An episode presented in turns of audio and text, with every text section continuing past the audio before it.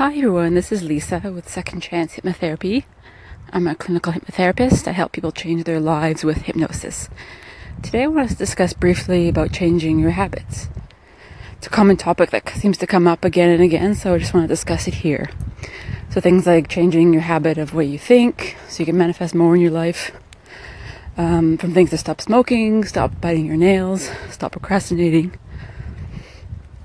So you have a conscious mind and your subconscious.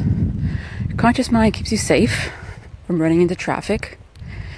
It also, the conscious mind is the one that wants to stop these habits. But where some people run into problems is the subconscious mind has all the deep rooted things like memories, traumas are kept there.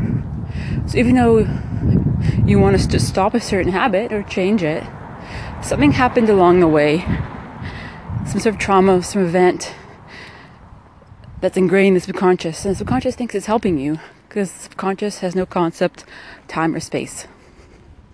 So, although consciously you want to change it, subconsciously it thinks it's helping you. It still thinks it's in this, the subconscious still thinks it's in this previous event. So, how it works with uh, hypnosis is I got a client into hypnosis, go into a deep state and basically, what happens, I have the subconscious bring me back to the original event. What was happening? How are you feeling?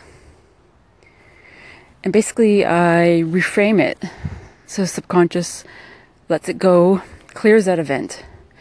And so, it's really interesting process. I basically negotiate with subconscious mind to let go of those old habits that it's making you do.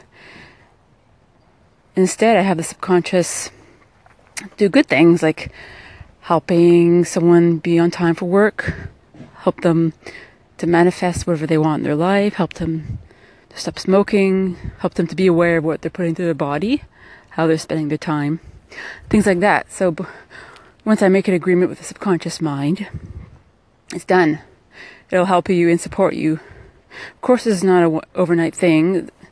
This happens over a period of many sessions and weeks but it works really well. And yeah, so I just want to share that with you today, you guys. All right, see you in the next podcast.